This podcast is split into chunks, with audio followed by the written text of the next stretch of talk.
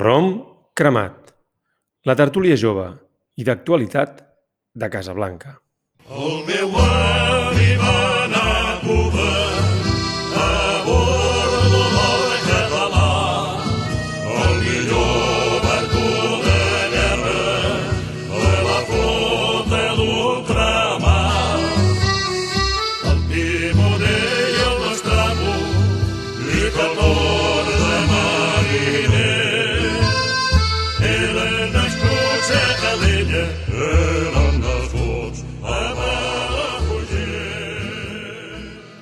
Hola, benvinguts a una nova sessió de Rom cremat. Ara feia molts dies que no ens trobàvem.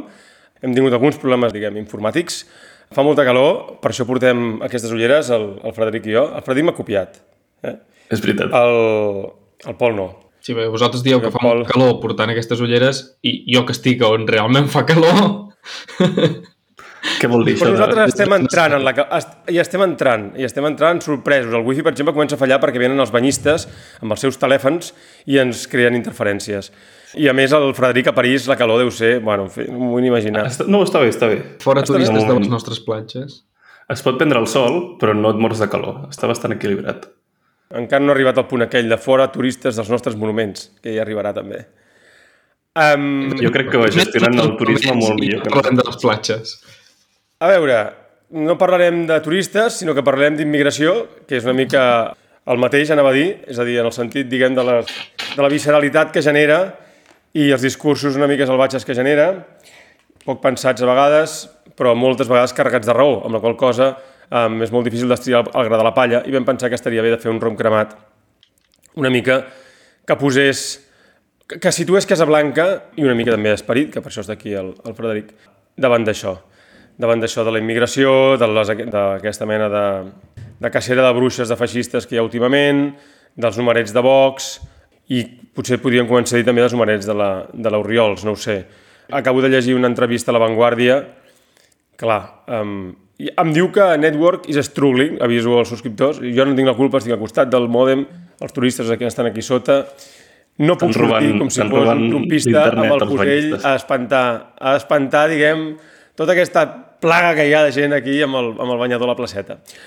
Per tant, si es talla, es tallarà. Um, això, acabo de llegir una entrevista a La Vanguardia de la Sílvia Oriols, no sé si l'heu llegida. Sí, No. Pol. sí. l'he vist aquest matí per, de, des del Twitter, l'he- llegit en diagonal. Jo he vist que li han fet un gag al Polònia i m'ha sorprès. Això Tant- vol dir que, Tant el seu que la discurs... donen per descomptada els propers. La donen com ja com una figura política pels propers Normal. mesos Ara- ara i anys. anem, ara anem. Sí. i digerida.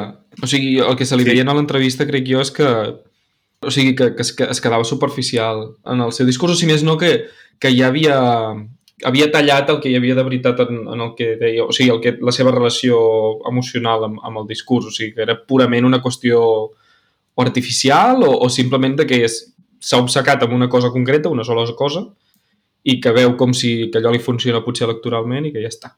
I que això simplement ho ha d'anar repe- repetint com si fos un martellet, però que no té que no hi ha la relació amb, amb la veritat que hi havia mínimament en el, quan va Ho començar. has, ho has explicat molt bé, ho has explicat molt bé perquè és la base de tot això que estàs dient, sí, sí. Que havia tallat la relació emocional amb el, amb el discurs i, per tant, la relació music, em- emocional també amb el pensament i que, per tant, oi que a mi la sensació que m'ha donat és que bàsicament és un discurs d'aquests que podria ser un discurs podemita o trumpista o progressistes, aquests discursos que sembla que vinguin enllaunats de fora una mica, no? I aleshores aquí els agafem i els adaptem. O sigui que totes les coses, que tots els, tots els problemes que exposa es podrien intentar resoldre o es podrien plantejar en termes catalans, en termes de cultura política catalana, i en canvi, en comptes de fer això, Però els interpreta i els exposa en termes internacionals. I sembla com si els ismes defensés, la fessin sentir més segura. I és una cosa que és molt catalana, eh, és molt d'aquí. És a dir, la primera vegada que vaig, posar, que vaig escriure en Jordi Recula va ser perquè va començar a parlar de Biden d'una manera que em va, em va fer pensar això. El que vull dir és que també les coses Vull dir, perquè es vegi que, no, que, que els discursos no es fan perquè sí. No sé si m'explico. És a dir, la sensació que tinc jo és que en aquest país els polítics de seguida que se senten pressionats busquen una mena d'isme superior que els pugui protegir d'alguna manera.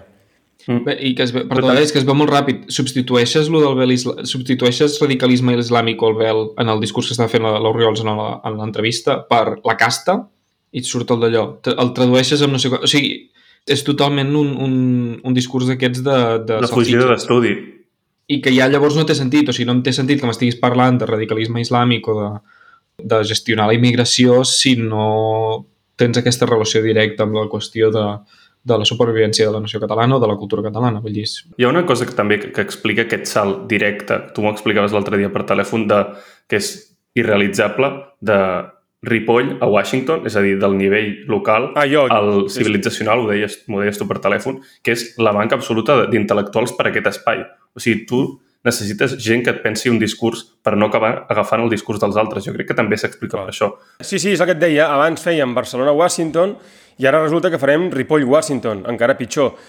Clar, però a més, eh, insisteixo, jo el, el problema que veig és que aquest senyora és alcalde de Ripoll. Llavors, si tu fas una entrevista a La Vanguardia, normal és que la facis en els teus... Jo entenc eh, que pugui ser de molt interès, que, que hagis donat la campanada, que vulguis aprofitar això, però aleshores fas entrevista en els teus propis termes, i en els teus propis termes és anem a parlar de Ripoll, anem a parlar dels pobles interiors de Catalunya, parlem del que està passant en aquests pobles, de com estem començant a notar la castellanització que fins ara només notava a Barcelona, expliquem eh, per què jo defenso això i no altres coses, què faré pel poble, no només amb els termes amb la immigració i, i, i els magrebins, sinó què faré pel, pel poble en general, és a dir, llavors això pot ser una part, però no pot ser tot, i no deixar que converteixin la part pel tot, perquè això a més és una lluita que nosaltres sempre havíem intentat. Anem a picar pedra a nivell local i anem a fer un moviment que es construeixi de mica en mica. És ja, ja estic pensant en la següent, en les eleccions i en entrar al. Parlament i, en, i això és inflar, és engreixar.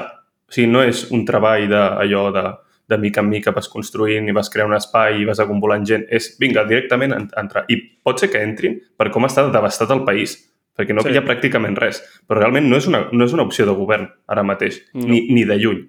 Un moment, no és només que no sigui una opció de govern, és que a més és, que a més és perillós, perquè quan tu vols créixer tan ràpid, el que deixes a darrere, per això dic també és una cosa molt del, del que la, la filosofia de primàries i també de Casablanca, és a dir, que si tu creixes molt ràpid, el que deixes a darrere és aire. El que deixes a darrere són, per dir-ho així, tot l'espai que l'enemic t'omplirà d'incongruències que després et cauran a sobre. Mm. I en una situació tan delicada, jo tampoc no ho entenc, no entenc què, què estan fent. I a més amb un tema tan... Estirar més el braç que la màniga i no ser conscient de les pròpies forces. O sigui, hi ha una cosa que va pel front, va per primaris i va per aliança, que és hi ha coses que no depenen només de la voluntat individual i de l'esforç que posi, que són els cicles que, que hi ha al país ara mateix. O sigui, tu no pots plantejar una alternativa i voler entrar a totes en un moment de reflux com l'actual, en què la major part de la gent s'ha quedat a casa, en què molta de la gent que estava polititzada i tenia ganes de fer cosa s'ha cremat per primàries, per com ha acabat. O sigui, no hi ha el capital disponible, Uh, simbòlic, una pregunta, humà, però per... el que, una pregunta. El que va fer el Roger per això, perquè això ho havíem discutit molt, el Mallola, jo li deia, feu campanya per l'abstenció. I no, no, nosaltres ens presentarem perquè d'això, perquè hem de donar exemple de que algú està allà, diguem, encara mantenint allò. Tu això creus, creus que és estirar més, més el braç que la màniga? Creus que és inútil? Creus que hagués sigut millor que fessin campanya per l'abstenció? Què és el que penses? Perquè jo el que penso, quan ara veig que tothom fa campanya per l'abstenció, jo el que penso és que si ell hagués fet campanya per l'abstenció, eh, no és un problema de patrimonialitzar les coses, però sí que és un problema de que de dominar-les o de gairebé potser no monopolitzar-les, però sí de dominar-les. No? I jo crec que si ens haguéssim concentrat a fer diguem, campanya per l'abstenció, vull dir, s'hagués contentat ell amb el seu, mm, el seu grup de, de polítics o del que a fer campanya per l'abstenció, ara ja tind- tindrien un, un discurs polític Podrien bueno, més capitalitzar o menys tot, el, dominant. tot Em aquest... sembla, eh? potser no, però, però una discussió que vam tenir molt, i, i ell va insistir molt a presentar-se, i tampoc em sembla que estigui malament, eh? Vull dir, tampoc em sembla que estigui malament, vull dir que jo ja li vaig dir, dic, jo no et donaré suport, ja faràs tu el que, el que et sembli correcte, no? Però per això t'ho pregunto, però no crec que allò fos estirar més el braç que la màniga. Tu què creus? No, crec que haurien d'haver fet campanya activa per l'abstenció i donar-li com... O sigui, aprofitar tot el que s'està covant, perquè moltíssima gent a, a Twitter, que és, crec que és una representació de la gent més activa políticament del país, està demanant l'abstenció. Si un partit digués "És- l'abstenció és la nostra via, seria com un... Semblaria una contradicció perquè un partit... Bueno, ho digués avui sí. Avui, que ho diguis avui no té cap mèrit. El que No, però té que mèrit digués- és que ho hagués dit en el moment en què ho estàvem No, sí, l'abstenció fa. era la- l'opció, excepte potser en algun lloc, però uf, a Barcelona segur s'havia de fer campanya per l'abstenció. Bé, Frederic, a més a més que, que ara es pot veure l'abstenció ha quallat i funciona perquè ja has vist que el Consell per la República ho ha proposat com una de les opcions per les eleccions al Congrés. O sigui, Clar, tu, però tu fixa't-hi, eh? si La, intenta posar fins i tot la seva pota dins d'això vol dir que, que ja estan Ah. ensumant de que té... Que té, el, que té... el diari El Món també ho estan fent.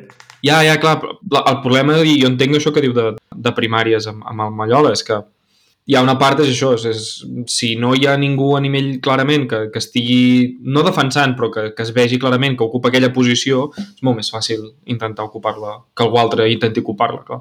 Sí, jo, jo és el que veig, és a dir, que ara tothom s'ha apuntat al carro aquest i ja està molt bé, però que si l'haguéssim estat treballant nosaltres, també hi ha un tema de, de donar-li cos i explicar el per què, perquè no és el mateix abstenir-se eh, perquè Espanya no és el nostre lloc on, on s'ha d'anar, no és el mateix abstenir-se perquè està rebotat, o és, no és el mateix abstenir-se, per exemple, un que ho ha entès molt bé és el, és el Bernat Adéu, a l'article d'avui ho explicava molt bé, amb la puteria habi- habitual seva, i per, per això deia això, que no ho patrimonialitzaria ningú, i aquesta és la gràcia, però deia una cosa molt important, que era una, una política metòdica de defensa de Catalunya i que impliqués fer front de manera metòdica a tots els conflictes i a tots els problemes per fer neteja de manera metòdica. No? La idea aquesta de l'abstenció per anar fent net, per anar fent net de tot, i, i diguem, per defensar el que seria les coses bàsiques amb les quals tots els catalans podem estar d'acord, mm. Defensar-les per, per activa, sinó per passiva, evidentment, mm. però, però defensar-les, no? deixant que els altres s'estrellin contra, contra, contra els seus propis discursos. Em, no? em deixes... Jo crec que això ho plantejava bé. Em sí, deixes dir-ho d'una forma diferent, en aquest sentit, de, de tot això que tu estaves explicant. Jo crec que, és, que ara l'únic que podem fer realment és pujar el cost de l'ocupació de Catalunya al màxim possible i això és intentar fer la guerra política a Espanya de totes les formes, en cada un dels llocs. Mhm. I la guerra política en aquest cas és apagar les aixetes i les forces que, que surten de Catalunya per, per tot La aquests col·laboració, els, Ja, sí, els exacte. milers d'euros de, que van a, a, a la col·laboració. Mm. tots els mil euros Bueno, va- en la corrupció, en el cas, o sigui, que cada cosa que surti, que tu estiguis fent, i això sí que es pot fer perfectament, això sí que es pot atacar ara mateix i que té conseqüències directes, no és una qüestió de, de fer projectes a, a anys vista, cosa que sí, sí. Sí, sí, bueno, i és aquesta cosa, És diguem, retirar, retirar és allò, Ah. és allò, és, és allò del, del, de l'article aquell d'abandonar Barcelona. En el fons és fer el dels russos, que deia els Mm, russos van abandonar van cremar. Moscou i van deixar, van deixar els francesos allà fotuts allà dintre i ja us ho fareu i que vingui l'hivern. I és la idea Una mica, políticament, l'abstenció és això, és agafar i dir, bueno, ja us ho fareu, voleu governar defensar Catalunya? aquesta línia, Sense repleguem. catalans, endavant. No podem defensar aquesta línia el 2023, la podem defensar el 2026-2027 en millors condicions. És això, jo crec, l'abstenció. És dir, no Sí, sí. tenim la força. Ara mateix és el que deia dels cicles i de com s'ha cremat la política. És que no, l'energia que es va cremar el 2017 i després en primàries és que trigarà en, en recuperar. Són milers i milers de, de processos personals de, de superar totes les promeses i els desenganys tot plegat. Això es triga. Llavors, millor esperar 2027, 2026 eh, o quan sigui per, tenir, Amb- per tornar a tenir energies i poder-nos defensar des d'allà. Perquè si no, fas una línia ara falsa, et passen per sobre segur perquè estan passant per sobre de tot i tu ja et replegues completament devastat. i que generes un altre cop. I que aquesta espera no els enforteixi, és a dir, o sigui, la gràcia de que tu això dius de- d'esperar-los no és esperar-los mentre ells es van fent forts i després No, no. quan tu te'ls trobis et fotran una hòstia més, gro més grossa. No és quedar-se a casa és la capacitat de que, que esperar-se amb ells els afebleixi. I la forma d'afeblir-los literalment és treure'ls tot el, tots els recursos que tenen. Jo he de dir una màxim. cosa, eh? Tot això de l'abstenció, tot això de l'abstenció, jo almenys ho vaig treure de dues coses. Una un- d'un llibre del Zizek, que ho explicava molt bé, i després l'altra del veure la... No, no, no, i l'altra després de veure, de veure les rimades. És a dir, com la victòria de les rimades no li servia per res, i com tothom l'acusava de no haver tingut d'haver-se present, de, present, de no haver tingut collons de presentar-se a, diguem, a la investidura com a president de la Generalitat, quan tothom sabia, a més, que ningú volia que fos president de la Generalitat, ni, ni tan sols els mateixos que l'acusaven de no haver-se presentat. M'explico? Perquè, i clar, i quan vaig veure això, quan vaig veure la por terrible que feia que l'Arrimades pogués arribar a ser mai presidenta, però no por a nosaltres, sinó por a ells, i que era una cosa que més ja havia vist, ja havia vist amb el govern Montilla, és a dir, i amb el tripartit, que en aquell moment també va haver-hi una gent que va dir, bueno, doncs, els d'Esquerra, no? Els donem al, al govern del PSC, que governin, aviam què fan, no? I recordo que jo estava per allà a Viena i vaig conèixer un ambaixador que va dir, diu, no, no, diu, la Generalitat, diu, diu cuando a Felipe González le pedían eh, por qué no hacía nada para ganar la Generalitat, de- decía que ella tenía suficientes problemas, no? I que per això havia posat el Reventós, és a dir, que era un, un tita freda, perquè ens entenguem, no? És a dir, que no era... I després l'Ubiols, que eren gent que no tenien un carisma fort. Tot això juntat, clar, al final vaig pensar, bueno, és, això és una bona idea, és a dir, al final... Eh, també per aquestes coses, de que al final la realitat es mostri i que caiguin les caretes, que és la política una mica que també està fent eh, el, el Junqueras a la seva manera, és a dir, de dir, bueno, som uns merdes, doncs representaré lo merdes que som. Al final, un polític ha de representar. Clar, la, la pregunta és l'Oriols què està representant ara mateix? El moros de merda? No, no, però espera un moment, que vaig, molt més, que vaig una mica al fondo, eh? El moros de merda, que tu pots haver sentit algunes vegades a, a algun lloc, Quanta gent ho diu, això? Quatre gats. I després d'aquesta gent que ho diu, quanta gent considera que això sigui susceptible de convertir-se en una política? És com aquell error del put Espanya. El put Espanya, jo, jo, vaig, jo no l'havia dit mai, el vaig sentir per primera vegada a Romania amb una amiga d'una amiga meva, que deia tot el, tot el dia put Espanya i put, putos espanyols. Això és una cosa que tu la pots dir, però eh, no la pots convertir en, en la base d'una política. M'explico que dir? No? És a dir, les coses baixes no es poden convertir en base d'una política, no funcionen. És, és, és precisament Llavors- això, són coses baixes. És la, la reacció primària de, que genera la impotència i la intempèrie. O sigui, és una por i es veu en el, en el, en el punt aquest, de, en el to que fa servir els discursos, com molt fosc, molt catòlic, però en el pitjor dels sentits, Sí. molt apocalíptic. Uh -huh. Obscurant. Què passa Una que- de- Obscurantista, sí. Hi ha una cosa que crec que, a més a més, que es- està molt, és, crec que és interessant uh, per una cosa que, que és molt abstracta, però també passa molt, que és el, la qüestió psicològica del país a nivell nacional. O sigui, i com ha afectat a nivell, a nivell psicològic a, a, individualment. O sigui, això que tu expliques de, que el Junqueras també està fent això de representar el país, la, la indefensió de, dels catalans, Representa un sentiment. mm, El polític, al final, representa un sentiment. Saps què vull dir? El Pujol representava les, les ganes de, del botiguer de treure el cap. És a dir, tu agafes el país, veus un sentiment i dius, jo representaré això. Primàries intentava representar un sentiment. Però jo crec que, eh, aquí deixa'm fer la reflexió aquesta sobre la psicologia, aquesta intempèrie i el fet de que els catalans hem de defensar la nació ara individualment, o sigui, que no tenim res que ens protegeixi, això ja ho tenim. O sigui, això ja ens ha vingut amb el 155 i ens ho menjarem. Per molt que tinguis uh, Junqueras mm, fent aquest paper a la Generalitat d'indefensió. I un dels problemes que jo crec que passa i que la, la indefensió, la impotència no genera uh, respostes positives a nivell psicològic si tu tens uh, alguna opció a l'esquena en la qual tu et pots refugiar. És a dir, si tu segueixes tenint, si els catalans seguim pensant ostres, a la Generalitat encara tenim els nostres, encara que sigui per no fer res, segueix sent una excusa per no haver d'elevar-te i ser valent o defensar i fer alguna cosa extra. Jo crec que el que és, el que és interessant amb l'abstenció o el que hauríem d'intentar buscar és pujar una, el, el to encara, molt, encara més. La, la sensació aquesta de, de sentir-se amenaçat encara molt més i és, si tu ja no et dones als catalans cap excusa i els hi dius, no, no, és que no queda ni la teva ni la Generalitat ni l'autonomia, ja no hi ha ni els teus. Ara estàs tu sol davant, de la, davant la bèstia i serà sobreviure. És cert que segurament tindrem bastanta més histèria, però és molt segur que moltíssima gent llavors encara es traurà les excuses de sobre. Quan es... A, això, això, Pol, és allò que en diuen del com pitjor millor. Jo no sé, jo, jo No, no, dia no com pitjor millor. Jo l'altre però- dia, jo, la- jo l'altre dia en l'article, el que sí que intentava dir és això, d'explicar de que si tu talles els vincles emocionals i econòmics amb, amb unes institucions que ja cada vegada et foten més que no pas et representen, bueno, eh, això alguna cosa hi guanyaràs, ni que sigui perquè t'expoliaran menys, ni que sigui sentimentalment. Però jo no hi crec gaire, eh, amb això de... O sigui, encara que pugui semblar un contrasentit amb les coses que a vegades dic a Twitter i tot això, jo no hi crec gaire en la cosa d'aquesta, de que si tu fas mal la reacció o, o deixes que la gent sola a l'intempèrie la reacció és, és millorar. Jo crec que tu pots fer això si hi ha un discurs al darrere que explica per què estàs fent això. És a dir, la gràcia de l'abstenció és explicar per què estàs fent això. Si tu dius, no, escoltin, mirin, aquestes institucions, tal com les tenim, ens porten a una decadència de 30 anys i després a l'extinció perquè ens aniran bullint al bany Maria. Per tant, per aquí no hi podem anar. Per tant, això ho hem de col·lapsar de moment. Després ja veurem què farem. Però ha de ser una cosa, per això deia que jo falta, trobo a faltar que hi hagués un partit, en aquest cas el de primàries, eh? que havent representat, havent representat la democràcia, per dir-ho així, o sigui, o l'opció més democràtica, diguem, en la història de l'autonomisme, en el sentit de que era un partit molt pro-suís, no? de referèndum, de participació horitzontal, de campanya al carrer, que havia recuperat tota una sèrie de coses. Si aquest imaginari de cop deia no, ara nosaltres no volem votar, és a dir, demanem l'abstenció perquè això, aquesta democràcia està deslegitimada, això tenia un sentit en, els, en, la, en la mesura que tu fas conscients als catalans que la democràcia que tenen ara mateix és, una, és, una, és un simulacre.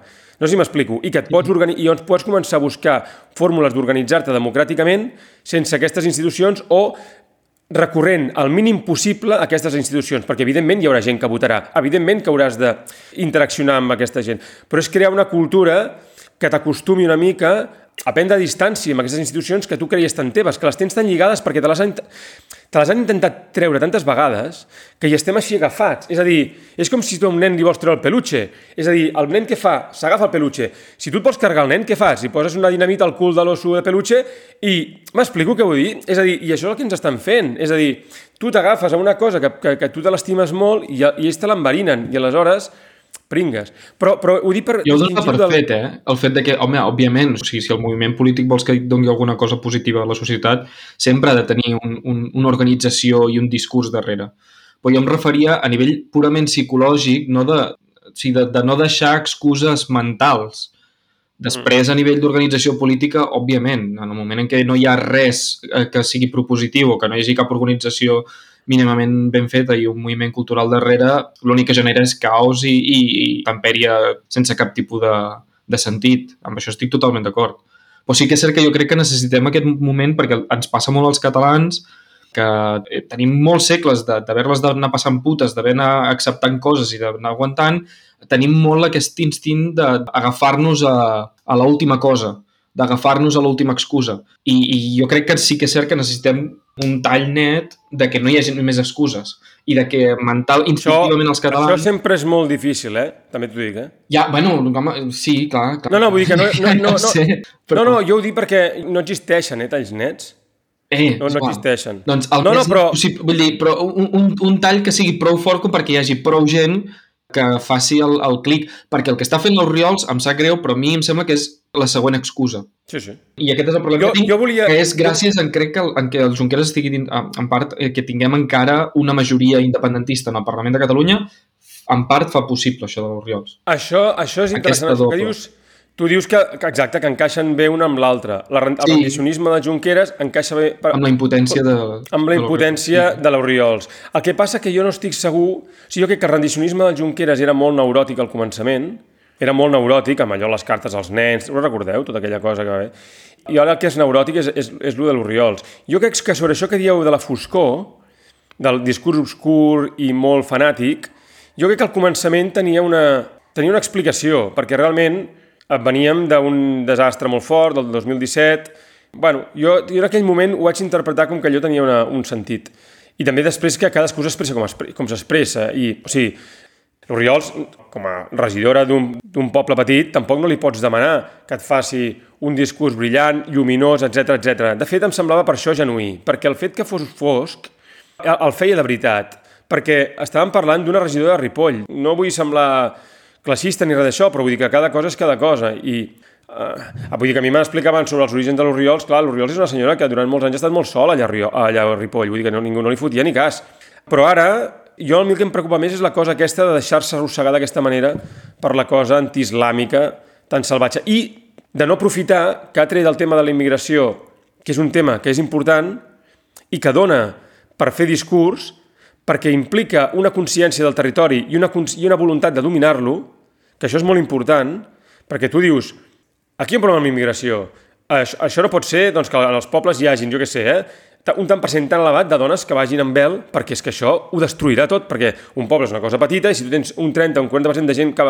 Estic exagerant, eh? però jo això puc que el, entendre el problema no és el vel, el problema és que, que el que es veu que de cop desapareix una part de la comunitat. Això, això vull dir, això vull dir, però, però, O això sigui, el, el, el, problema, el problema que veig amb l'Oriols és que es perd amb el símbol. Clar, clar, clar, aquí ho estàs dient. O sigui, la força que tu has de fer per plantejar el problema, la força que tu has de fer per plantejar el problema, jo entenc que la facis com puguis. Però una vegada tu ja has guanyat les eleccions, és aquí on jo crec que el que tu has dit està molt bé. Perquè aleshores és l'hora de, de començar a dir això que estaves dient, desenvolupa això que estaves dient, del vel i de la comunitat. Això ja ho havia comentat alguna vegada en els podcasts parlant del món musulmà, que és que per qüestions de política exterior espanyola i també per qüestions de política exterior de tots els països europeus, per, amb temes de, de poder importar energia a preu barat, etc etc, acceptem ingerències d'autocràcies eh, musulmanes com Aràbia Saudita, autocràcies del Golf, que paguen no només a imams que venen d'aquells països, sinó que a més a més també paguen propaganda cultural, etc etc, a nivell també per internet, que és que es, està estudiadíssim des dels think tanks de seguretat, el nivell de propaganda radicalista política, ja no, ja no parlo de religió, sinó que és política de l'islam, o sigui, vista literalment des d'ISIS fins a totes les versions més eh, barates dels germans musulmans, i que això fa que les comunitats, aquestes comunitats que tenim de musulmans a Europa, a Catalunya inclòs, de cop et desapareixi. Són, són gent que, com es diu, que, que estaven anant a les botigues de barri, saludant, començant a fer la, les dones fent amics amb, amb les mares de l'escola del costat, no sé quantos, els, els, els senyors, jo què sé, anant al bar, el típic. O sigui, simplement pues, pues, fent vida comunitària de, entre veïns i cada Això, cop... això ho explicava l'Oriols així, eh, tal qual. Sí, sí, sí. I, I llavors entra aquest tipus d'imams que converteixen, converteixen tota la comunitat musulmana en una comunitat endogàmica perquè han de seguir una sèrie de preceptes que estan al mateix nivell de l'Opus Dei. I de la mateixa manera que l'esquerra aquí a Espanya demana que l'Opus Dei s'ha de ser il·legalitzat, òbviament, perquè són una, una secta. Sí, greu, o sigui, sí, perquè a més a més a Premià, a Premià en tenim una, una seu. O sigui, l'Opus Dei no pot ser que existeixi al segle XXI o que sigui mínimament eh, legalitzat en un país democràtic. Jo, de la mateixa sempre... manera, Pol, Pol, tu, tu, saps que, tu saps quanta gent de l'Opus Dei hi ha en els partits, no? sí, clar, clar, clar, sí, si Espanya està feta a través de l'Opus Dei. Bueno, però, ja, clar, clar, sí, sí. Jo recordo al començament del procés, o de fet una mica abans i tot, que amb un amic parlàvem de l'Opus Night. Però vull dir que... I quan dèiem Opus Night, no ho dèiem, diguem, per les copes de la nit, m'entens? Ho dèiem per lo que deies tu abans de la foscor. Saps què vull dir-te? M'ha fet gràcia, sí, m'ha sí, fet sí. M'ha fet gràcia. això, i el problema que tens ja és una part de que, que és una cosa que es troben a tots els països europeus, que és que no pot ser... O sigui, tu, una, una societat ha de ser una comunitat. No pot ser que tinguis diverses comunitats separades, perquè, perquè el- perquè l'estat-nació funciona a través d'una comunitat, una societat, en un territori, amb una organització política, que és l'estat. En el moment en què es disgregues la, el subjecte polític, se't destrossa l'organització política. No pot ser. Llavors, i a més a més a nosaltres se'ns afegeix que això ens passa sent un país ocupat i amb una nació on la cultura s'està minoritzant. Llavors, eh, aquest és el límit. Hem, hem topat amb, amb el límit que hem d'anar aquí i llavors això s'ha d'abordar, un, fent un discurs i trobant alternatives a aquesta ideologia radical que prové de, de, de l'islam, que a més a més és facilíssim perquè només que t'aliïs amb els partits progressistes d'esquerra dels, dels països àrabs ja tens el discurs, ja existeix. O sigui, no, no, no has de fer coses estranyes, t'has d'anar als partits, eh, als opositors i partits eh, progressistes de tots aquests països i ja, i ja tens gent que et pot anar a fer aquest discurs en les teves comuni pròpies comunitats.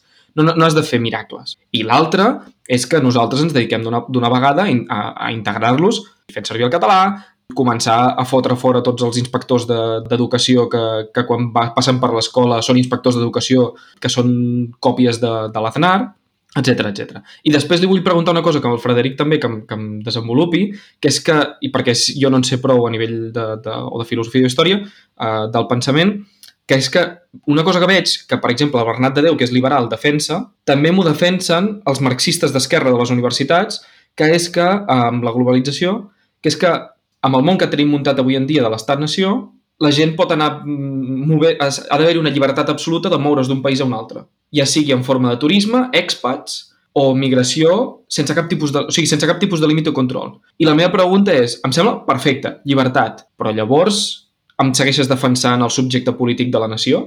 O el, el sistema de subjecte polític de estat-nació? Perquè llavors ja no existeix. O sigui, si, si tu m'estàs defensant aquest, això, aquesta idea política, m'estàs defensant que hi hagi un govern a nivell mundial. Perquè el subjecte és la humanitat, no és la nació. És individu i relació amb el poder superior, Es que és nota- la humanitat convertida en estat. O sigui, Perdoneu, eh? Jo, jo, Perdoneu, perdoneu, perdoneu, perdoneu, perdoneu, perdoneu, perdoneu.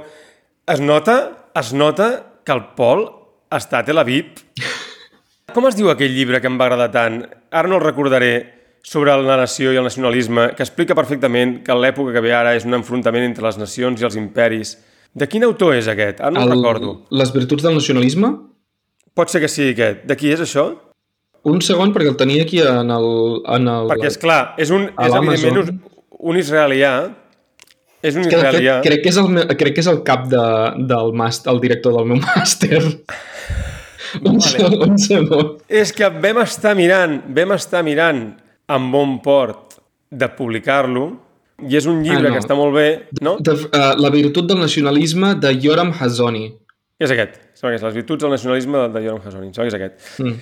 És un llibre que a mi, si és aquest, i, i em sap greu no, no poder precisar, realment em va deixar, vull dir que em va encantar. I explica molt bé això que estàs dient tu. Ell, a més, ell diu, diu això, diu, ara això hi haurà un enfrontament entre, entre grans imperis i les nacions. I el que hem de decidir és quin ha de, quin ha de ser el límit del col·lectiu organitzable. Perquè la tesi és que un imperi no es pot organitzar bé, perquè el que acaba generant és corrupció a dalt, pobresa a baix i lluites al mig. M'explico?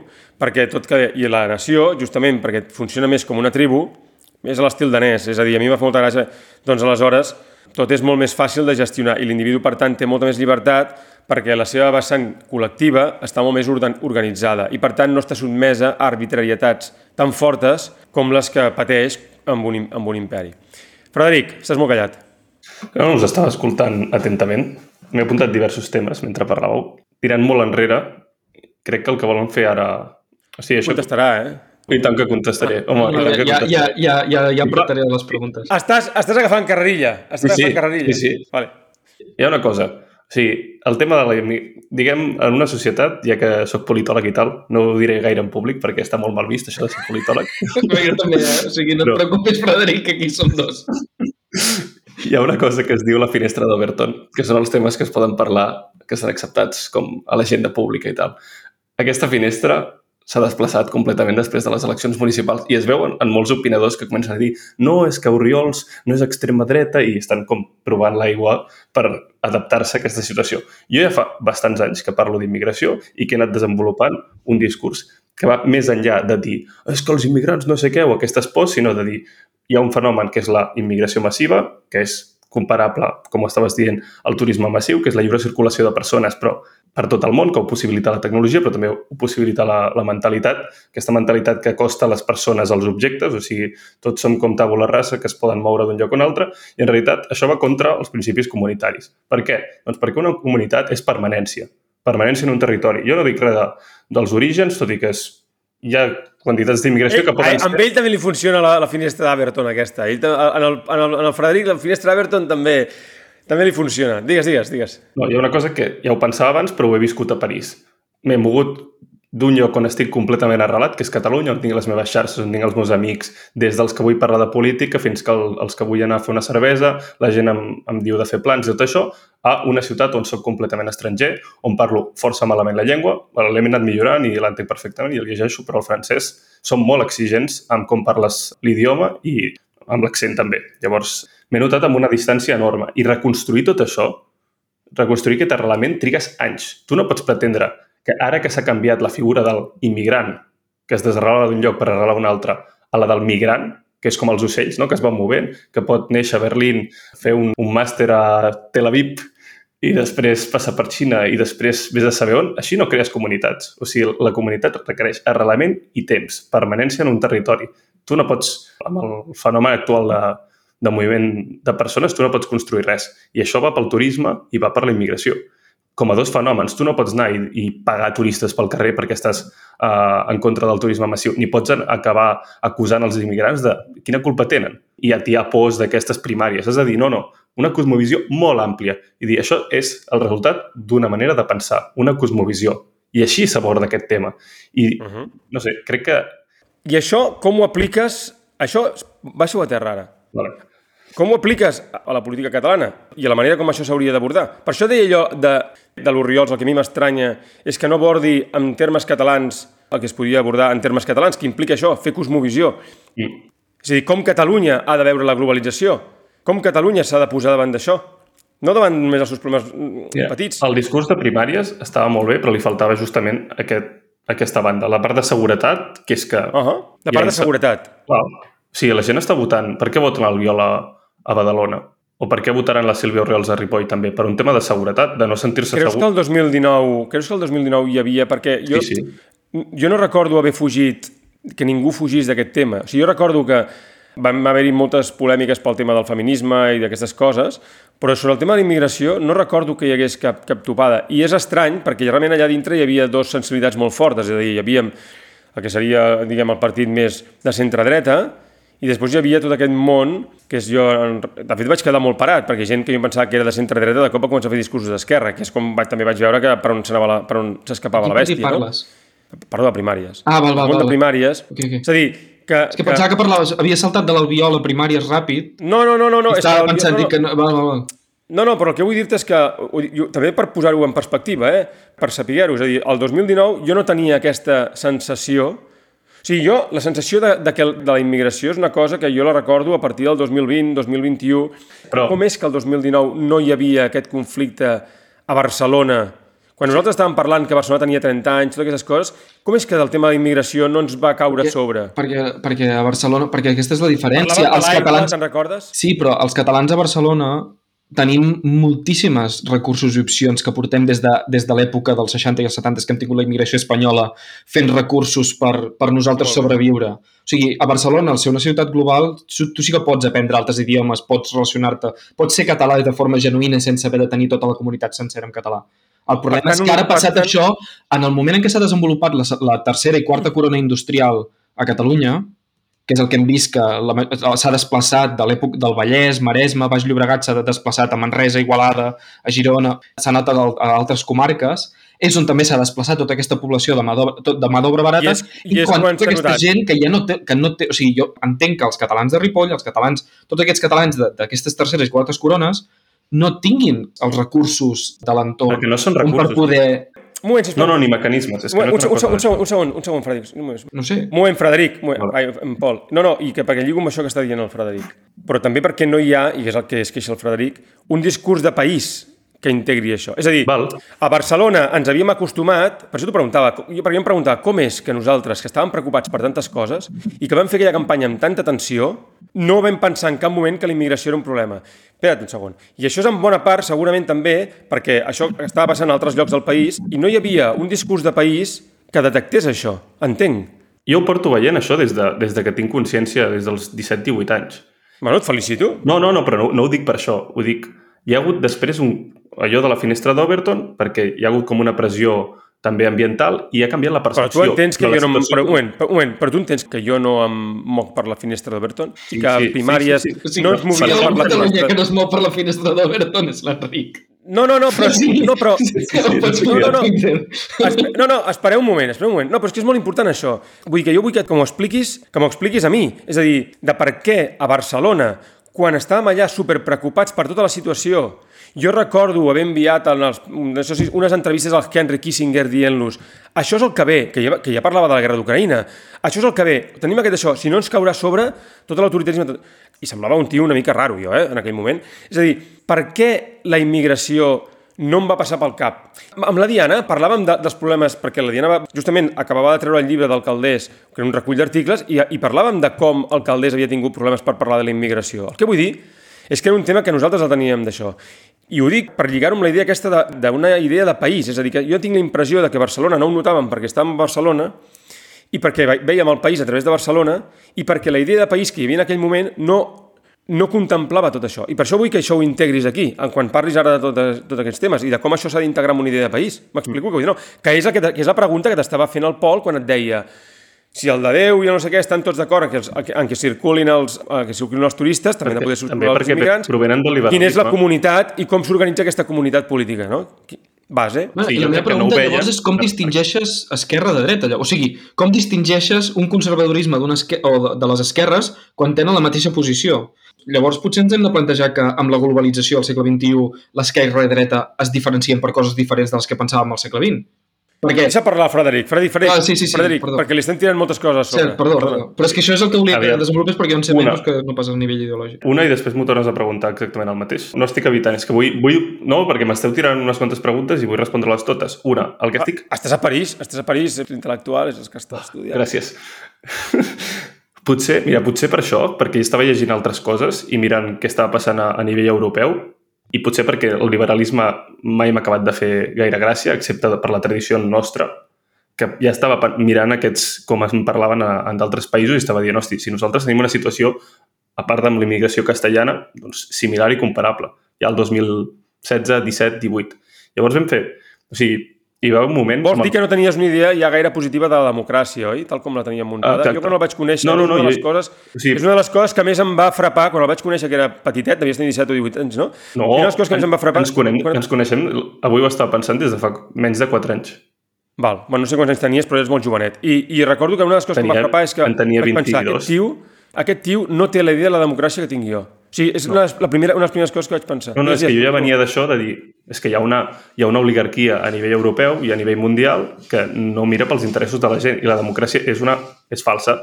El que, la diferència és que jo a Catalunya hi pensava que els, eren els meus i el 2017 se'm va caure. Vaig dir, hosti, hi ha les mateixes dinàmiques que Europa, però més bèsties. O sigui, són igual de trepes, igual de venuts, igual de miserables, o pitjor que el que hi ha a nivell europeu. O sigui, jo estava en unes altres coordenades i ho veia diferent. Però potser per això. No, no estic dient, no sóc un bueno, profeta continua, que ja parlava Però d'això. continua desenvolupant llavors Val. això. Llavors, a, a nivell de país, com ho hem de... Una, una de les respostes eh, que li volia fer el Pol és que hi ha una cosa que no és que és continuar en aquest marc mental liberal de la tàbula rasa, que és pensar que un estat, o sigui, que és una qüestió de recursos amunt, recursos avall. No, o sigui, vine a París, o sigui, és un recurs retòric, eh? però vine a París, bueno, pots venir si vols, et convido.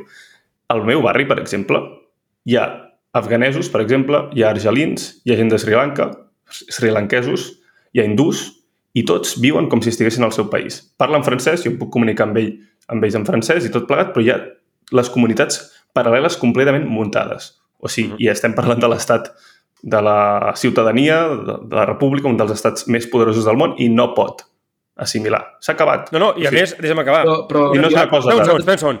Espera un segon, sisplau. Un estat que va fer i que va créixer fent del benestar i la unitat la seva identitat. És a dir, la identitat de l'estat francès es identitat. monta... D'acord, deixa d'estar, però vull dir que la unitat...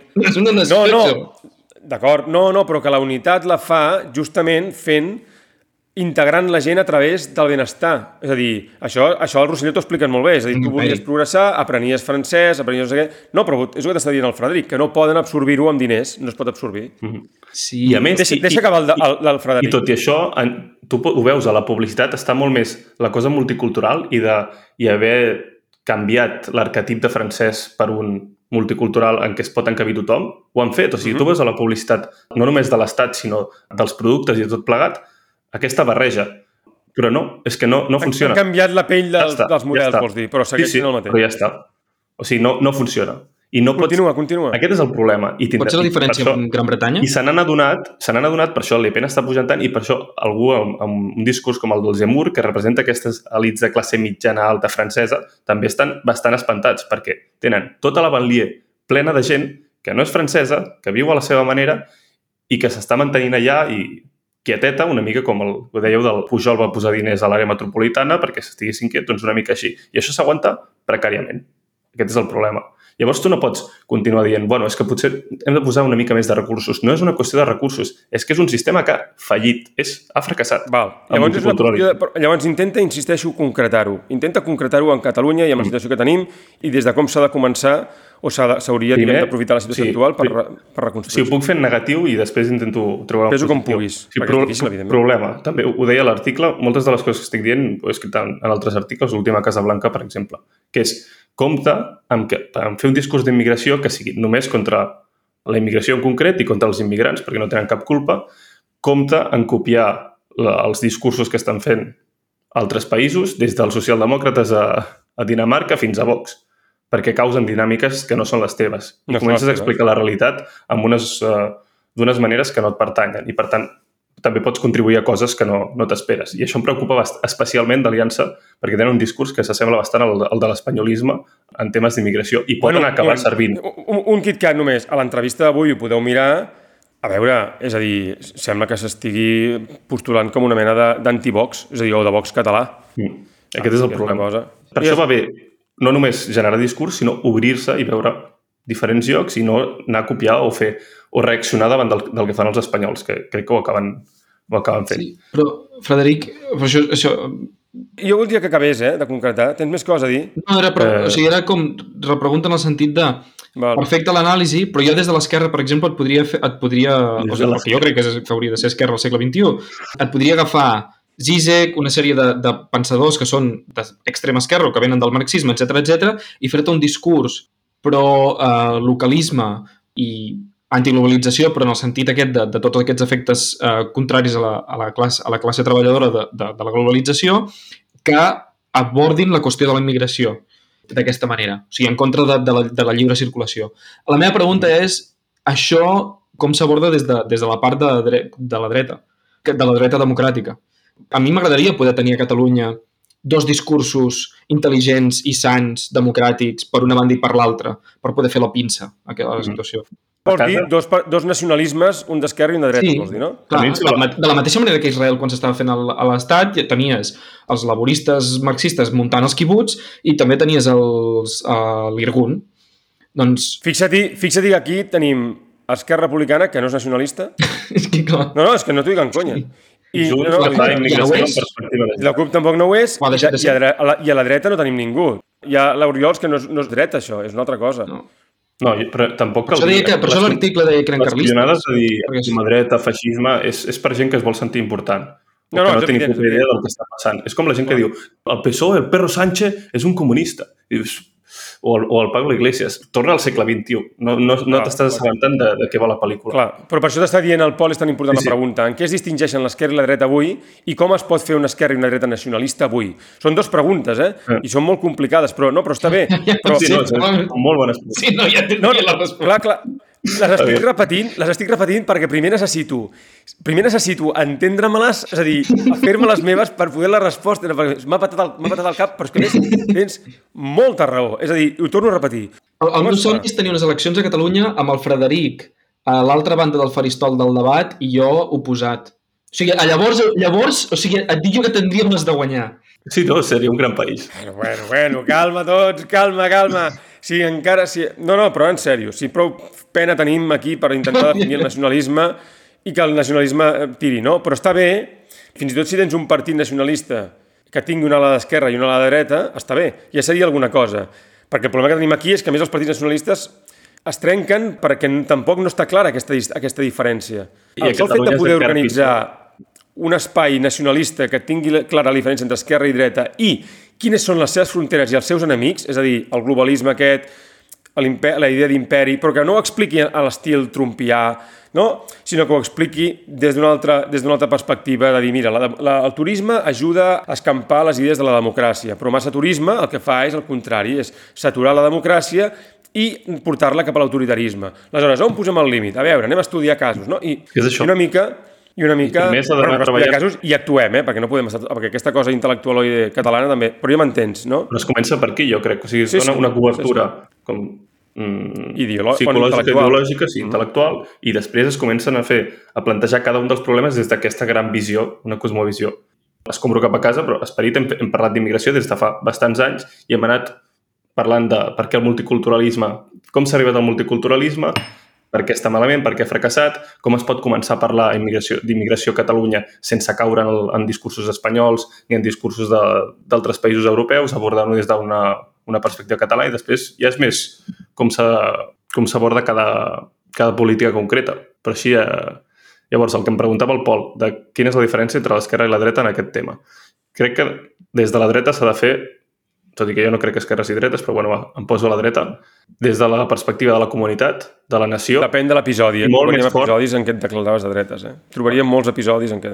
No, però perquè tu m'hi poses... És igual, no diguis dreta o esquerra, et sents No, no, conservador però- tradicionalista. Sí, sí. No, Ah. Conservador, diguem-ho Sí, així, sí, va. conservador, Conservador progressista.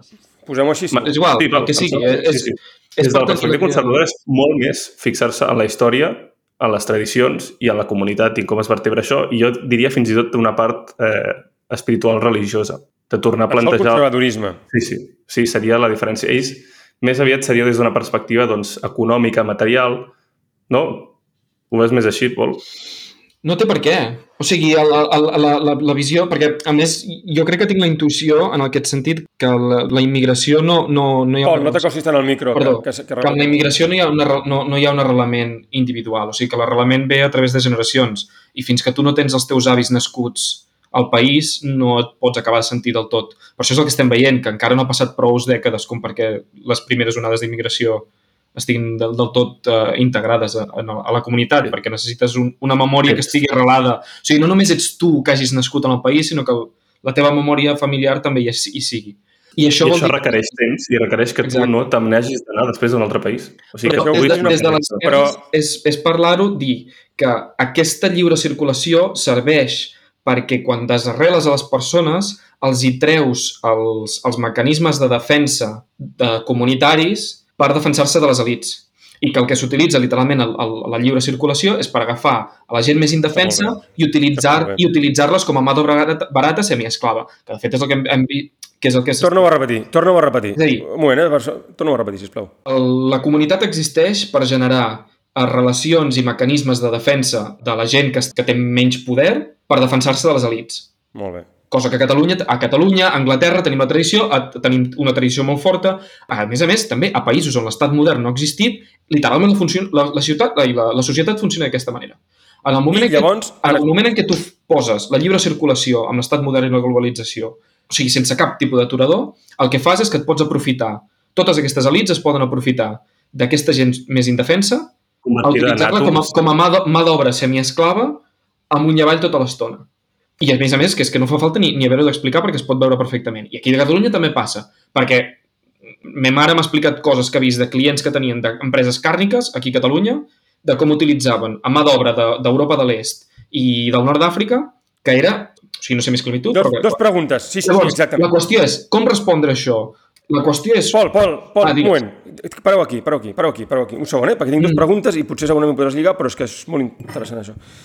Dos preguntes. Primer, tu creus que al nivell on estem ara ja això és reversible? Es pot absorbir, es po- podrem absorbir totes les bosses aquestes d'immigrants no només a Catalunya, eh? però, sisplau, no contestis, no només a Catalunya, sinó al conjunt d'Europa. És a dir, tu creus que Europa, els països europeus, tenen ja cap sortida tribal radical o forta o hauran de pactar molt amb la realitat, etc etc. I l'altra cosa, és a dir, per tant, tenir bosses de, de, de comunitats que no corresponen a la seva i gestionar això com es pugui. I l'altra pregunta, això que tu dius s'ha fet durant el procés a Catalunya. Aquesta utilització, aquesta utilització, diguem, de la, de, del desplaçament dels migrants com a carnassa per mà d'obra barata s'ha fet durant el procés. I qui se n'ha beneficiat més d'aquestes migracions a Catalunya? les elites convergents al- a l'arreu del país i les elites de ciutadans a la zona de l'àrea metropolitana. I quina, diferència hi ha entre, I quina diferència hi ha entre les elites convergents i les elites de ciutadans a Catalunya? A la geografia. per mi, eh? O sigui, l'única diferència Us és que estic- uns us- nascut a les comarques de fora de l'àrea metropolitana de Barcelona i les de ciutadans a dins i que tenien llavors molta més Potser etnografia. en, en la immigració que... En la Us estic preguntant molt en sèrio, eh? És a dir, sí, sí, el López sí. Tena, quan va començar el procés, em va dir, diu, veuràs Convergència votant votant, el ciuta, votant a favor de Ciutadans Sí. abans de fer la independència. Era una metàfora com una altra. Després ja sabem, algunes alian... ja, ja sabem algunes aliances a les elites com estan. Si una comences a analitzar les xarxes socials, diguem, les unions eh, familiars, etc etc, quedaria realment, diguem, I, parat. i, i, ho dius, i, i a més a més, no només això, no només per Twitter, o sigui, per qüestions personals he acabat amb converses en, en, en reunions socials que no formen part de la meva família, però és igual, per, fins i tot parlant amb gent que són familiars i empresaris que acaben donant suport a Convergència a les zones eh, d'arreu de les comarques de Catalunya i també a famílies d'empresaris que, que literalment posen pasta, posaven pasta a ciutadans. I, qui ha i votat? així. I, és, i, no, no, i, i sociològicament són a la, mat- o sigui, surten del mateix lloc. La diferència potser és que per qüestions d'on han nascut o han crescut, el català és la llengua pública i la franca és ètnicament, públicament, o ja encara hi ha la nació catalana, o uns altres tenen la nació espanyola a nivell públic. Però a, a nivell de, de, demogràfic és, són el mate, és el mateix. I això, i això, i això s'ha començat a veure, amb, on s'ha començat a veure? A Barcelona amb el Trias. Mm -hmm. Vull dir que qui ha votat a Trias, amb, amb l'extensió que hi ha hagut, en bona part, una part han sigut senyors que votaven Ciutadans, també el PP, eh? però en tot cas, però vull dir que hi ha aquesta, hi ha aquesta porositat a la qual abans veiem la sociovergència, a la qual s'hi inclòs ara, diguem, el món, de ciutat, el món de ciutadans. Però en tot cas, aquestes dues coses que jo volia que, que, que, que expliquessis.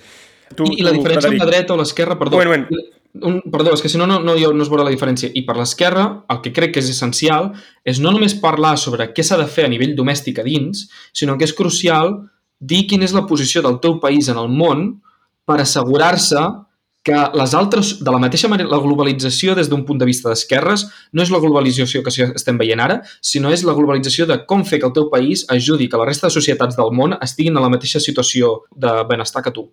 Un moment. Què, què és el moment, que tu fas perquè això... Pol, Pol, Pol, per tant, però tu estàs dient que llavors la política exterior de la dreta hauria de ser el mateix però amb clau darwinista? Tu estàs dient de que la, Bueno, la, la política de l'esquerra no. nacionalista hauria de ser, bueno, hauria de ser col·laboració entre les nacions i per tant, això que tu estàs dient, com ens situem al món perquè el món vagi millor, bla, bla, bla, i que la dreta nacionalista més aviat seria com ens situem al món segons els nostres interessos i, per tant, a partir d'aquí, doncs, amb una visió una mica més, més darwinista, doncs allò de la cosa aquella anglesa, no? El, el, els nostres únics amics són els nostres interessos. No ho sé, clar, jo, Eh, la, meva, la meva posició, això? les meves idees són molt personals respecte a la meva ideologia, llavors no, no, no em sé dis Val. diferenciar Per tant, d'aquí. tu- Això hauria, tu deixo la, la carta al Frederic perquè... Tu t'estaves, per tant, tu t'estaves definint d'esquerres en relació al Frederic, bàsicament. Vale, okay. No, en relació Frederic. a mi mateix. No, no, i en relació al Frederic t'estava... Frederic, què has de dir a tot això? Feu una pregunta concreta. Ah, hem explicat, i ja per acabar, eh? Una, els països europeus, no només Catalunya, i Catalunya evidentment en particular, tenen cap possibilitat de revertir la situació que s'ha creat els últims anys amb la immigració, o, perdona dir, amb els migrants, és a dir, amb aquesta cultura de la migració. Que també són els expats, també són Espera't els un segon. expats de Barcelona, Espera't, eh? espera't un segon. Espera't, Sí. Escolta, espera't un segon, sisplau. Ara contestes. És a dir, hi ha alguna possibilitat de revertir aquesta situació, si és que s'ha de revertir, per, diguem, per definir la nova, la nova idea de nació del segle XXI, quin, quin marge hi ha i fins a quin punt s'ha de fer. I l'altra cosa és, el mateix que li he preguntat al- en el Frederic, qui s'ha beneficiat més durant el procés, que són aquests últims 10-15 anys en els que tu dius que més, tu dius que ja ho estaves veient que estava passant això, d'aquests moviments. Val. D'una banda està bé que la Sílvia la convidin a 8TV i de l'altra crec que haurien de convidar altra gent que digués un discurs bastant més intel·lectualitzat sobre la, la immigració. És Saps que urgent. no ho faran, això. Eh? Saps que només ho faran quan ells tinguin alguna cosa a dir, perquè això, Sí, evidentment, sí. saps que la porten, la porten per uns motius molt concrets. Sí, sí. Després Vale, podem acabar parlant de perquè ella i no el front és de, de a qui estan convidant. Val. O sigui, s'ha de començar a parlar d'immigració perquè, si no, com més es, es posposi, més radical serà la resposta, més por generarà i més odi. Serà odi, al final, perquè dirà, hosti, dirà, ah, mira, els mateixos que no ens han fet la independència, els mateixos que m'estan putejant, no estan parlant d'això. Hi ha d'haver alguna relació i serà un discurs molt bèstia. I això està passant, o sigui, les coses que estan normalitzades en, el, en la- a pública francesa, fliparia la gent a, a Barcelona. El que es pot arribar a dir en un discurs i el, el nivell de, de batusses que hi ha en mítings i d'això. O sigui, als Estats Units ja és un altre nivell de... Bueno, o sigui, jo estaria atent perquè estan... És, és un, un, una repressió que està generant crispació. Si no pots parlar civilitzadament, molt bé, reprimeixes, et sortirà el problema d'aquí 4 o 5 anys multiplicat i ja probablement ja no es pugui controlar. Jo crec que el marge per fer alguna cosa amb, amb aquestes bosses de, de comunitats que no tenen res a veure amb el país i que no són assimilables es va reduint. I tinc por que acabi malament. Llavors, jo crec que encara es pot fer alguna cosa que pots... Bàsicament, perquè si vius com el teu país, pots viure al teu país. O sigui, si jo si visc a París envoltat de catalans i en contacte amb Catalunya, quina diferència hi ha que torni a Catalunya? No, però la pregunta, però la meva, sí, però la meva, pregunta, la meva pregunta que et feia és tu això ho trobes sostenible i tu això ho trobes compatible amb la creació d'una idea de nació moderna al segle sí. XXI? Sí, sí. O sigui, tu creus que els francesos podran tenir un, seguir tenint una nació amb Ah, bueno. tot de comunitats dintre de, Pari- de París que viuen com si estiguessin fora? La meva pregunta Estàs- és, podrem tenir una nació catalana si a Catalunya tenim tot de comunitats Sí, que viuen al marge de la comunitat catalana? Aquesta és la pregunta. Com s'organitzarà la nova ide- la, la, la idea de nació? Jo no, no, no estic... I que consti una cosa, eh? és no interessant estic la plantejant, no ho estic plantejant en, un, en termes fatalistes. És a dir, jo sempre he cregut... Vull dir que jo sempre m'he imaginat el futur com aquelles, aquells bars de la Guerra de les Galàxies en què es veien... Saps aquells bars que anaven a un planeta i on es trobaven tot de gent, uns amb una trompa, els altres amb unes orelles, els altres amb, no sé, amb, amb mig braç, els altres amb gordos, els altres... I allò, i que parlaven llengües diferents, i tots junts. Jo sempre ho he vist una mica així, el futur del món, en el sentit de que tothom tindrà identitats molt fortes, molt menys dissolubles del que havien estat fins ara, mm. i molt més barrejades, però no barrejades en el sentit que es deia fins ara, que era com de de diluir-les, sinó que la gent interaccionarà des del seu centre. i no interaccionarà com al segle XX. protegides. O sigui, tindrà una altra concepció de l'altre. L'altre torna. O sigui, no és Exacte. el jo i l'altre és la mateixa cosa, o l'altre se l'ha de matar, com al segle XX. Ah, exacte. que hi haurà un. Ah, exacte. Clar, jo sóc Això- molt català, però no això vol és dir que... molt bo. Això, això és una explicació molt sintètica i molt bona. Que l'altre torna, i però que no torna de la mateixa I manera. torna la diferència, l'afirmació de la diferència. Jo sóc com sóc, sóc català, i el cosmopoliti cosmopolitisme autèntic, en el terme, en els, etimològicament, vol dir l'ordre de les polis. Has de ser d'una polis per ser cosmopolita. Jo sóc supercatalà, però sóc també ciutadà del món. És a dir, com a titular. O sigui, radicalment arrelat a la meva identitat, parlo la llengua, conec la història, tot plegat, no em fa res comunicar-me amb, amb l'altre. Amb, sigui d'on sigui, ni en termes de sexualitat, ni en termes de Perfecte. Això, de aquesta part ja l'has contestada. I Vale. perquè d'anar acabant. Això- L'altra part, de qui s'ha beneficiat d'això els últims 10-15 anys i com s'ha Ah. d'organitzar un discurs les per, elites, per denunciar les elites per, per poder compensar la sagnia de vots amb nous votants. O sigui, han canviat el, el graner de, de vots de mica en mica cap a la immigració. O sigui, Què vols dir? Que per no tenir tants catalans, vols dir? Estàs dient això? No, sí, perquè els catalans... Pots dir-ho clar, sisplau? Sí, sí. O sigui, Esquerra Republicana i Junts han anat substituint la seva base electoral per immigració. I encara la volen Tor- oh, ampliar, per això la... re- Com? Ho pots tornar a dir?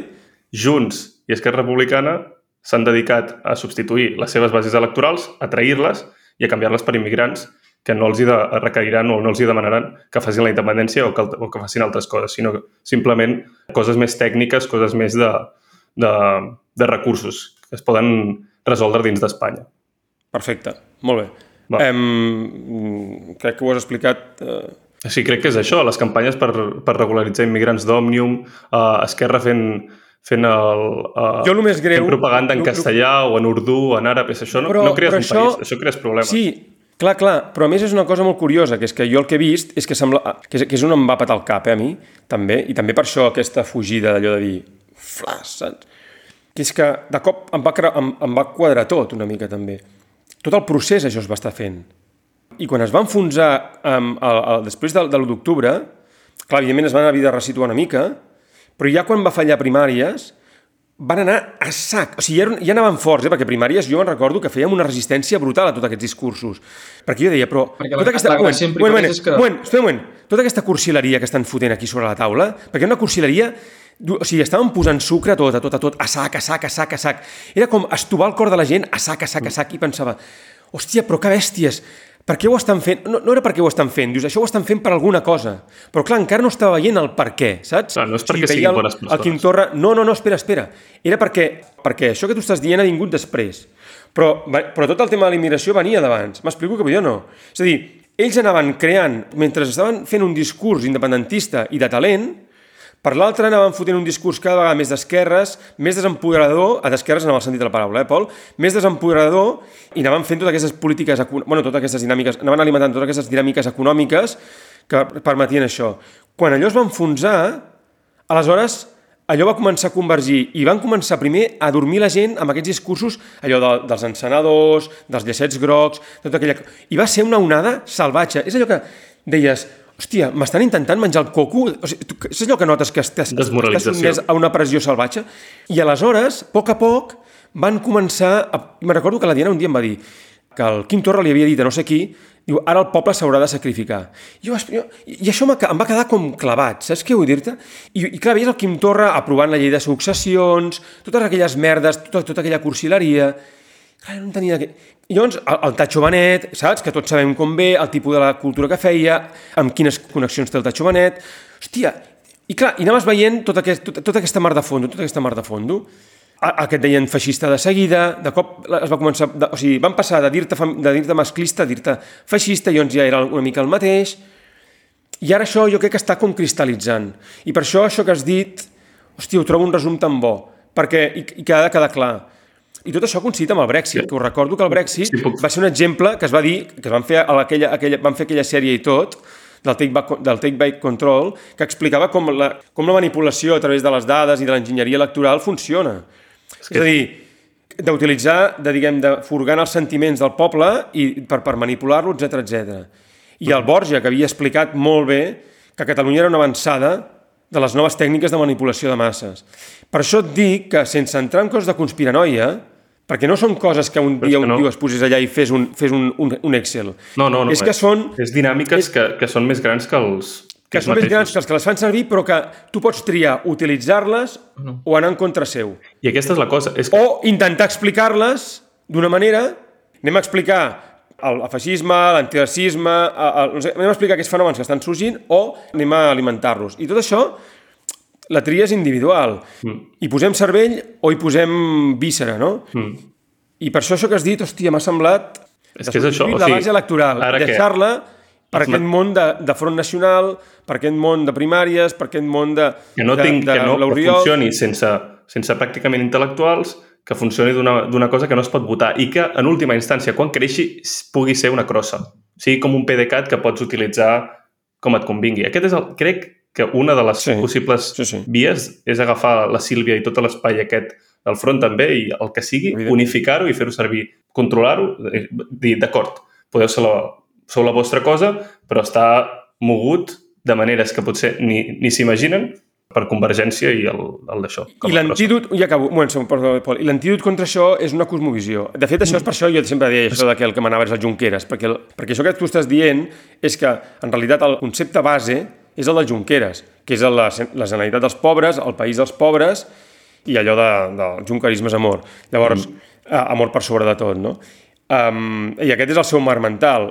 Per, per combatre tot això que tu estàs dient necessites una cosmovisió nacional Forta, molt tot forta. això i, que, I sobre- i- molt forta i que permet, i, i vehicles, sí. vehicles per poder discutir d'això i poder refinar les idees, perquè si no surts a Twitter o surts a qualsevol lloc i et diuen racista Sí, sí. o et diuen qualsevol cosa.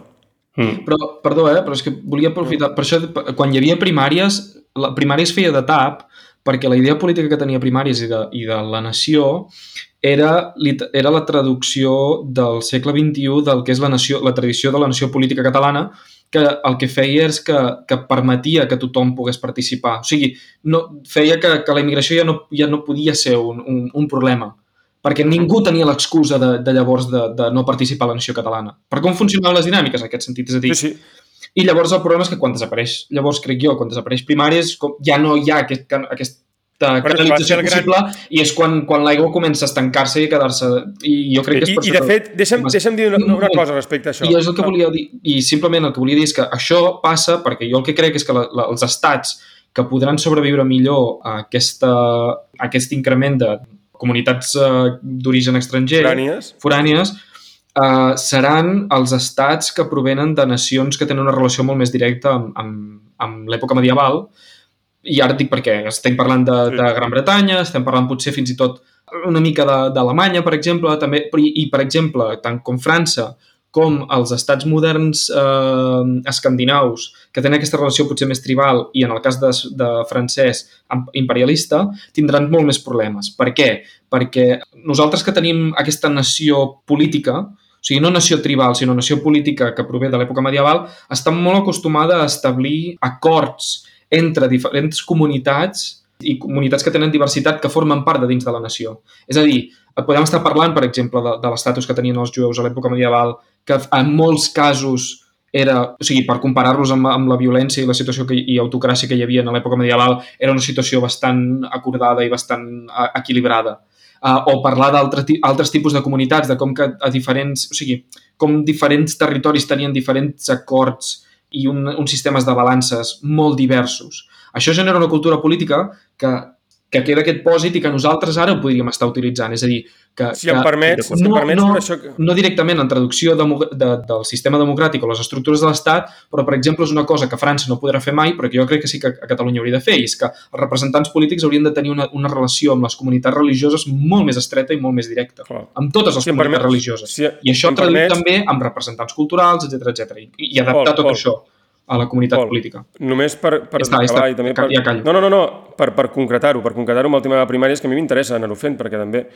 És a dir, curiosament, això que tu estàs dient és molt interessant, perquè el, a, a primàries el Jordi va venir amb una idea, aquesta idea la, la va venir amb la seva idea que- d'aquesta d'aplicar aquesta idea de primàries justament per desfer tot això i, i, i incloure tot- tota la nació en una unitat que no fos problemàtica, això, això va ser una idea del Jordi, però és que jo aquesta idea ja la sentia a través del Mallola, del Roger Mallola, que era un tio que jo veia que no veia ningú més, que veia el velòdromo i tot això, que ell sempre es passava el dia. El primer que s'ha de fer a Catalunya és canviar el sistema electoral per establir una, una relació, perquè els polítics tinguin una relació directa amb el d'això. No? I això és el primer que s'ha de fer, si no es fa això no es pot fer res. Això quan estava el 9-N en marxa ja m'ho estava dient. Fa gràcia que dues persones, a més, que no es coneixien absolutament de res, jo mai havia parlat molt poc del Roger Mallola en el, en el Graupera, ni al revés, després els dos convergissin aquí. I encara més, que tinguis la Diana Coromines, que venia, que venia del rotllo aquest de transparència, que, té una, que és una altra idea també de la democràcia, eh, l'escandinava, però tot, tot això que estàs dient, tot aquest pòsit, per això dic que tot aquest pòsit hi era, i aquest pòsit venia d'un país bueno, que, que havia fet que havia, de l'autonomia, no? és a dir, d'un país que havia estudiat en, les, es- en català a les escoles del, del, senyor, del senyor Pujol. Tan divers com això, uns venien de, del món republicà, els altres del món franquista, els altres del món de la immigració, estic parlant de cadascun de, de mons diferents, convergint amb aquesta idea, amb aquesta idea comuna, que era la democràcia, l'horitzontalitat, l'horitzontalitat màxima per fer la, la, una unitat el més, el més dinàmica possible. Bueno, jo no sé, i vull acabar aquí i podem respondre un altre dia, si aquesta idea de democràcia que nosaltres teníem a primàries és ja aplicable amb el món d'avui i, és una, és, i és una de les sensacions que, que jo he tingut els últims, els últims anys, eh? és a dir, de com que primàries, o que hi havia algunes coses de primàries que de sobte, i per això li he preguntat abans en el Frederic, allò de com és que nosaltres no parlàvem de seguretat. És a dir, que amb algunes coses, com si aquella idea de democràcia que teníem hagués envellit de manera ja irreversible. I també per això us he preguntat si era possible ja integrar aquestes comunitats estrangeres o d'origen estranger, aviat haurem de dir, a la idea de nació catalana. Ho deixem aquí, si us sembla bé, a no sé que vulgueu dir alguna cosa molt ràpid. Bueno, jo diria I en que la una altra- democràcia va lligada a una identitat forta. Per ser, o sigui, una comunitat nacional forta, interrelacionada, preocupada pel futur, si no, no, no tens una democràcia. Per això, Jo- jo- aquest jo és el que problema. sí. A mesura que es va dissolent això, o a mesura que no hi és això, la democràcia és cada cop menys possible. A Clar, mesura clar, que tots estem més disgregats, som individus aïllats, la nostra relació serà amb l'Estat, amb aquest Per tant, tecnoestat global. segons tu, o hi ha assimilació o no hi ha democràcia? Mm. O sigui, és assimilació. Després jo, jo deixaria a les ciutats, probablement a Barcelona i a l'àrea metropolitana, una mica més de marge a comunitats per un, un multiculturalisme molt atenuat. Però a la resta del país és assimilació total. Si no, no hi ha democràcia. Si no és un camp piqui-pugui que no es, no es pot governar. Per favor, Pol, pots, pots dir si estàs d'acord o no amb aquesta frase del, del, del Frederic? Ara, eh? Estic- Fa, estic- fa, estic fa d'acord. 10 qui- o 15 anys. No, no, la frase la repeteixo jo perquè així quedi clar i tothom la senti. O sigui, és assim, o hi ha assimilació o no hi ha democràcia. Ell ha dit això. Tu estàs d'acord amb això? Estic d'acord amb, el, amb el concepte, la qüestió és com aplicar-ho i, jo, i la, gran, la gran qüestió és la, la qüestió de proporcions.